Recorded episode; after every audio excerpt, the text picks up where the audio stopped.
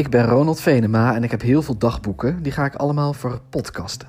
Mijn tweede puberdagboek, en daarmee seizoen 2 van deze podcast, speelt zich af in 1993. Van toen ik 14 en wat later 15 was en over alles onwijs eerlijk schreef. In aflevering 14 doe ik verslag van mijn eerste gitaarles bij Max, die hele gave posters heeft hangen aan zijn muur. Vraagt bakkersmeisje Valerie of ik niet liever een casino rond wit wil kopen. En vraag ik aan mijn toekomstige 30-jarige ik onder meer of ik elke dag tong met de vrouw met wie ik later vast getrouwd ben.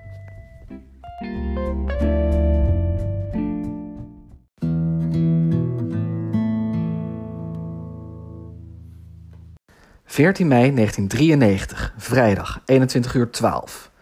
Mijn plan om op gitaarles te gaan is nu al gelukt. Dat is belangrijk, want wie goed gitaar kan spelen, kan zo allerlei meisjes uitzoeken. Want alle meisjes vinden jongens die gitaar kunnen spelen gaaf en leuk. Zelfs als je onwijs lelijk bent, kun je heel veel wijven krijgen als je goed gitaar kunt spelen. Ik kan nu even niet een gitarist bedenken die lelijk is en echt elke dag een ander tongt, maar dit is gewoon zo, zo werkt het, dat weet iedereen.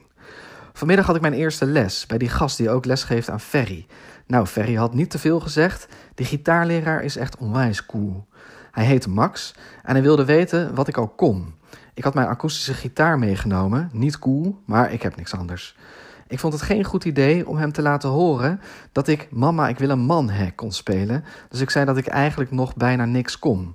Toen vroeg hij wat ik wilde leren spelen. Nou ja, Nirvana natuurlijk en ook wel rustige liedjes, van die liedjes waar meisjes graag naar luisteren.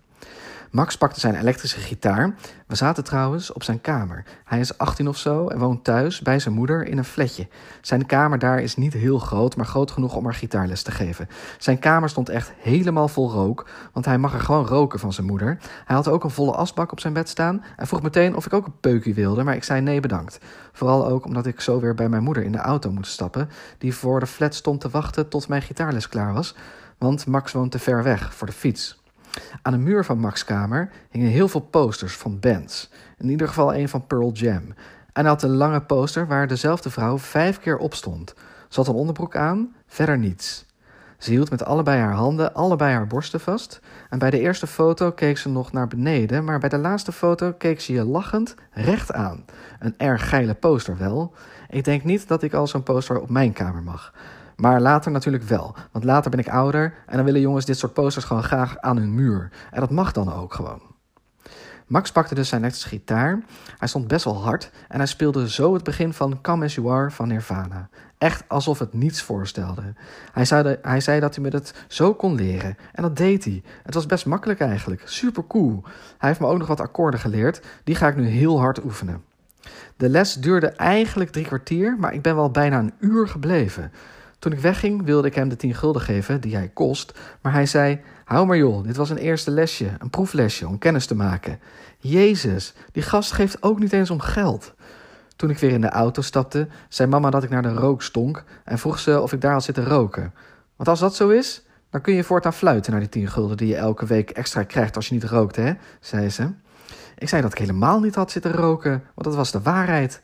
Ik kan er toch niks aan doen dat Max zijn kamer blauw en dat ik daar dan een uur in zit. Mama keek me aan van ja, ja. Ik werd een beetje boos en zei dat ze me moest geloven. Oké, zei ze toen. Ik had dus niet zitten roken, maar werd er toch van beschuldigd. Zo oneerlijk. Ik kan daar echt niet tegen. Ik heb natuurlijk niet gezegd dat ik weer begonnen ben met af en toe een sigaret. Anders krijg ik die 10 gulden niet meer. Oh, en dat briefje van 10 gulden voor Max gitaarles zit ook nog in mijn achterzak van mijn broek. Nou ja, die houd ik maar. Had mama me maar niet vals moeten beschuldigen. Dat krijg je ervan.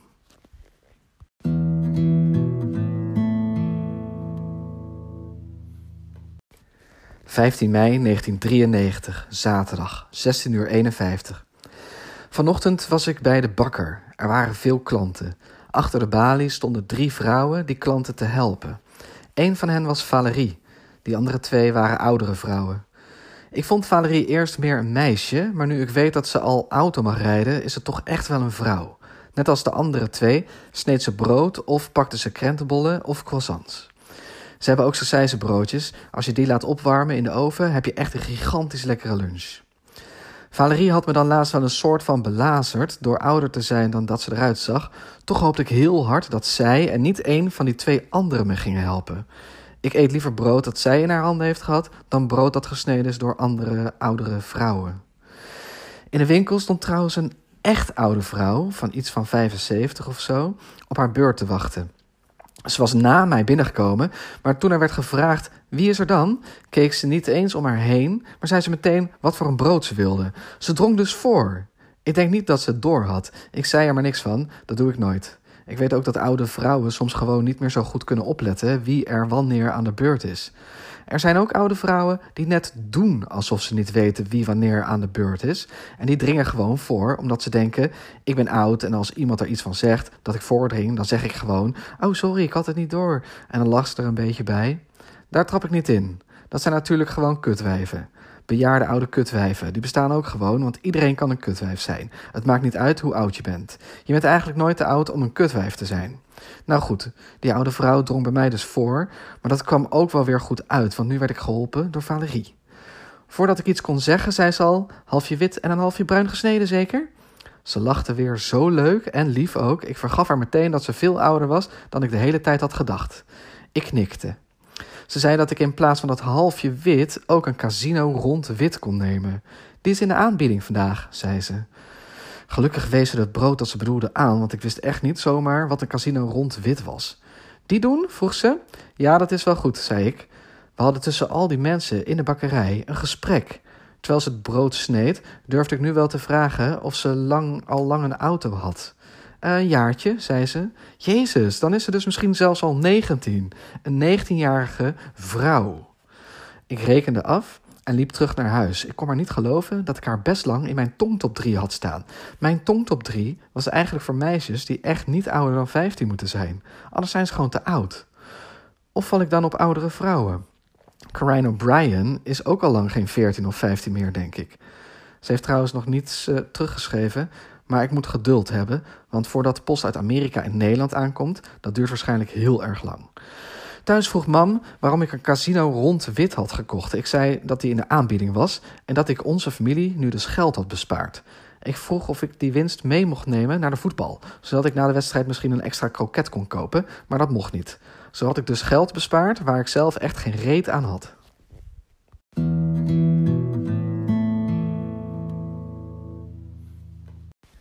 16 mei 1993, zondag, 11 uur 8. Ik heb net mijn boek uitgelezen. Het heet Niemand houdt mij tegen en het is geschreven door Evert Hartman. Ik vond het echt een heel gaaf boek. Het gaat over de toekomst. Nederland staat dan voor de helft onder water en iedereen zit in auto's die zelf kunnen rijden en iedereen heeft een multicom. Dat is een apparaat waarmee je heel veel kunt, ook bellen waar je maar wilt. Maar dit is dus niet echt. Het is de toekomst. Ik vond het een spannend boek en ik was ook benieuwd of die Richard in het boek nou ging zoenen met het Vlaamse meisje dat hij wilde gaan redden. Volgens mij was hij best verliefd op haar, maar ze gaan uiteindelijk niet tongen, wat toch wat tegenviel. Toen ik het net uit had, vroeg ik me meteen af hoe mijn toekomst eruit komt te zien. Dus niet volgend jaar, maar echt als ik 20, of nee, nog ouder, 30 ben. Dan is het dus al 2008. Dat ziet er best wel gek uit, dat jaargetal. Ik heb echt heel veel vragen voor de Ronald uit 2008. Hoi, 30-jarige Ronald. Hier je 14-jarige jouzelf. Ik wil graag een paar dingen weten. Ik hoop dat je kunt antwoorden vanuit de toekomst. Ben je al getrouwd? Vast wel, hè? Hoe heet je vrouw dan? Heb je ook al een kind? Ik denk dat hij Walter heet, voor een jongetje dan. Dat vind ik een mooie naam. Voor een meisje weet ik het nog niet. En ga je ook nog een kindje adopteren uit Afrika? Oh ja, wat ik heel graag wil weten. Wanneer heb je nou voor het eerst getongd? Het was toch wel al in 1993, hè? Ik heb geen zin om daar nog langer op te wachten. Je tongt nu zeker bijna elke dag. Je hebt niet voor niets een vrouw. En hoe vaak hebben jullie dan seks? Ik denk niet elke dag, want je moet ook gewoon naar werk en zo. Wat voor baan heb je dan? Ik gok advocaat. En ga je dan met je eigen auto naar werk? Wat is dat voor een auto? Wel een beetje een gave, eentje met elektrische ramen, geen Opel of zo.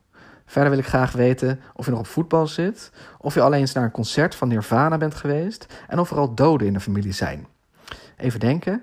Nou, de helft van de opa's en oma's leven nog en de andere helft is dood.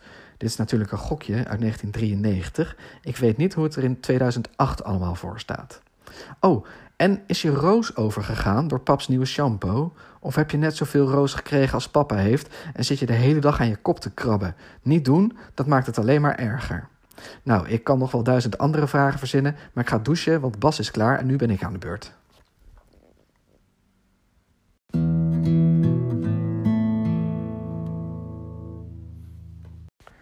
...19 mei 1993, woensdag, 15 uur 49. Frans gaat bij mij niet zo lekker, dus het was tijd voor een supergoed afkijksysteem. Ik heb er gisteren een ontdekt, toen we luistertoets hadden. Het werkt heel goed. Je hoeft tijdens de toets niet eens meer te luisteren en toch kun je er onwijs hoog cijfer mee halen. Ideaal en geniaal. Het is belangrijk dat ik hier uitleg hoe dit afkijksysteem werkt voor mijzelf, zodat ik het nooit vergeet. Ik kan het ook gaan gebruiken voor luistertoetsen Engels en Duits. Ik ben namelijk niet zo goed in luistertoetsen, omdat ik niet zo heel lang kan luisteren. Na drie of vier van die vragen denk ik meestal aan hele andere dingen, zoals aan voetbal of meisjes of aan wat we vanavond gaan eten. En vergeet ik helemaal dat we een luistertoets aan het maken zijn. Ik schrijf het ook op voor iedereen die over 100 jaar of zo dit dagboek leest. Als je 14 bent en je haat luistertoetsen, dan moet je nu heel goed opletten. Dit gaat je ontiegelijk goed helpen om goede cijfers te halen. Ik heb trouwens Frans van mevrouw Jellema. Het kan best wel eens door haar komen dat het niet zo goed gaat met mijn Frans. Dat mijn lage cijfer haar schuld is. Ze stinkt namelijk onwijs uit haar mond. Ik kan best wel slecht tegen vieze luchtjes. Als mevrouw Jellema voor de klas staat en van alles uitlegt, staat ze ver genoeg om die lucht uit haar mond niet te ruiken. Maar ik had een keer een vraag en stak mijn vinger op en zij kwam naar me toe en hing zo over me heen. En toen zei ze wat en ik dacht, Jezus, wat is dat voor een lucht? Kwam dat nou uit haar mond? Ik geloofde het bijna niet en draaide me nog iets naar haar toe terwijl zij dat Frans stond uit te leggen. Ik weet niet eens meer wat mijn vraag was. Ik was helemaal afgeleid door die lucht. Maar toen, ik, toen wist ik het zeker. Die rotte eierenlucht kwam echt uit haar mond. Merde. Ferry zei dat iedereen toch al lang wist dat mevrouw Jellema zo stonk. Ik hoorde toen pas dat sommigen zeggen dat ze altijd dode ratten voor ontbijt eet. Dat is niet echt zo. Maar ik ben toen wel gestopt met vragen stellen. En, en toen ging mijn cijfer dus steeds verder naar beneden. Terwijl ik Frans in het begin echt heel leuk vond. En Frans klinkt ook echt prachtig. In bed. Als ik niet slaap, doe ik wel eens net alsof ik een Fransman ben. En bedenk ik allemaal Nederlandse zinnetjes die ik dan in het Frans vertaal en opzeg. Bijvoorbeeld een zinnetje als: Ik eet brood in de tuin.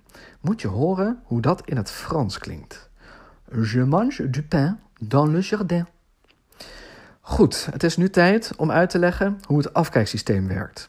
Je moet bij de toets wel naast iemand zitten die heel goed is in de taal die je wilt afkijken. Ik zit bij Frans naast Simone. Dat zit dus wel goed. Zij heeft een Franse moeder, dus voor haar is Frans een eitje, een uf.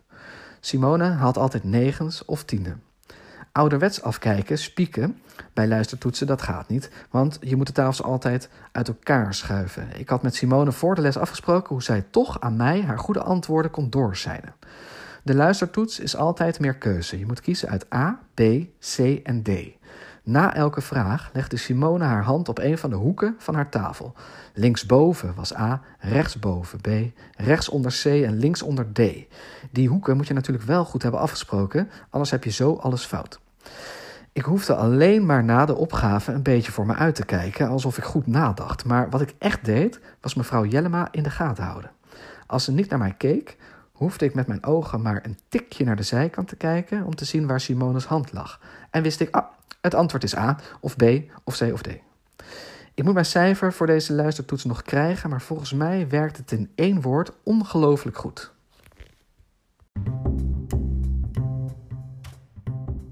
Dit was aflevering 14 van de podcast Alles Onwijs Eerlijk. Wil je me wat vertellen? Mail me dan op ronaldvenema78.gmail.com en op Twitter ben ik te vinden at ronaldvenema. En nu snel de volgende aflevering luisteren. Een aflevering waarin ik heel erg hoop dat ik met Ferry mee mag naar het concert van Guns N' Roses.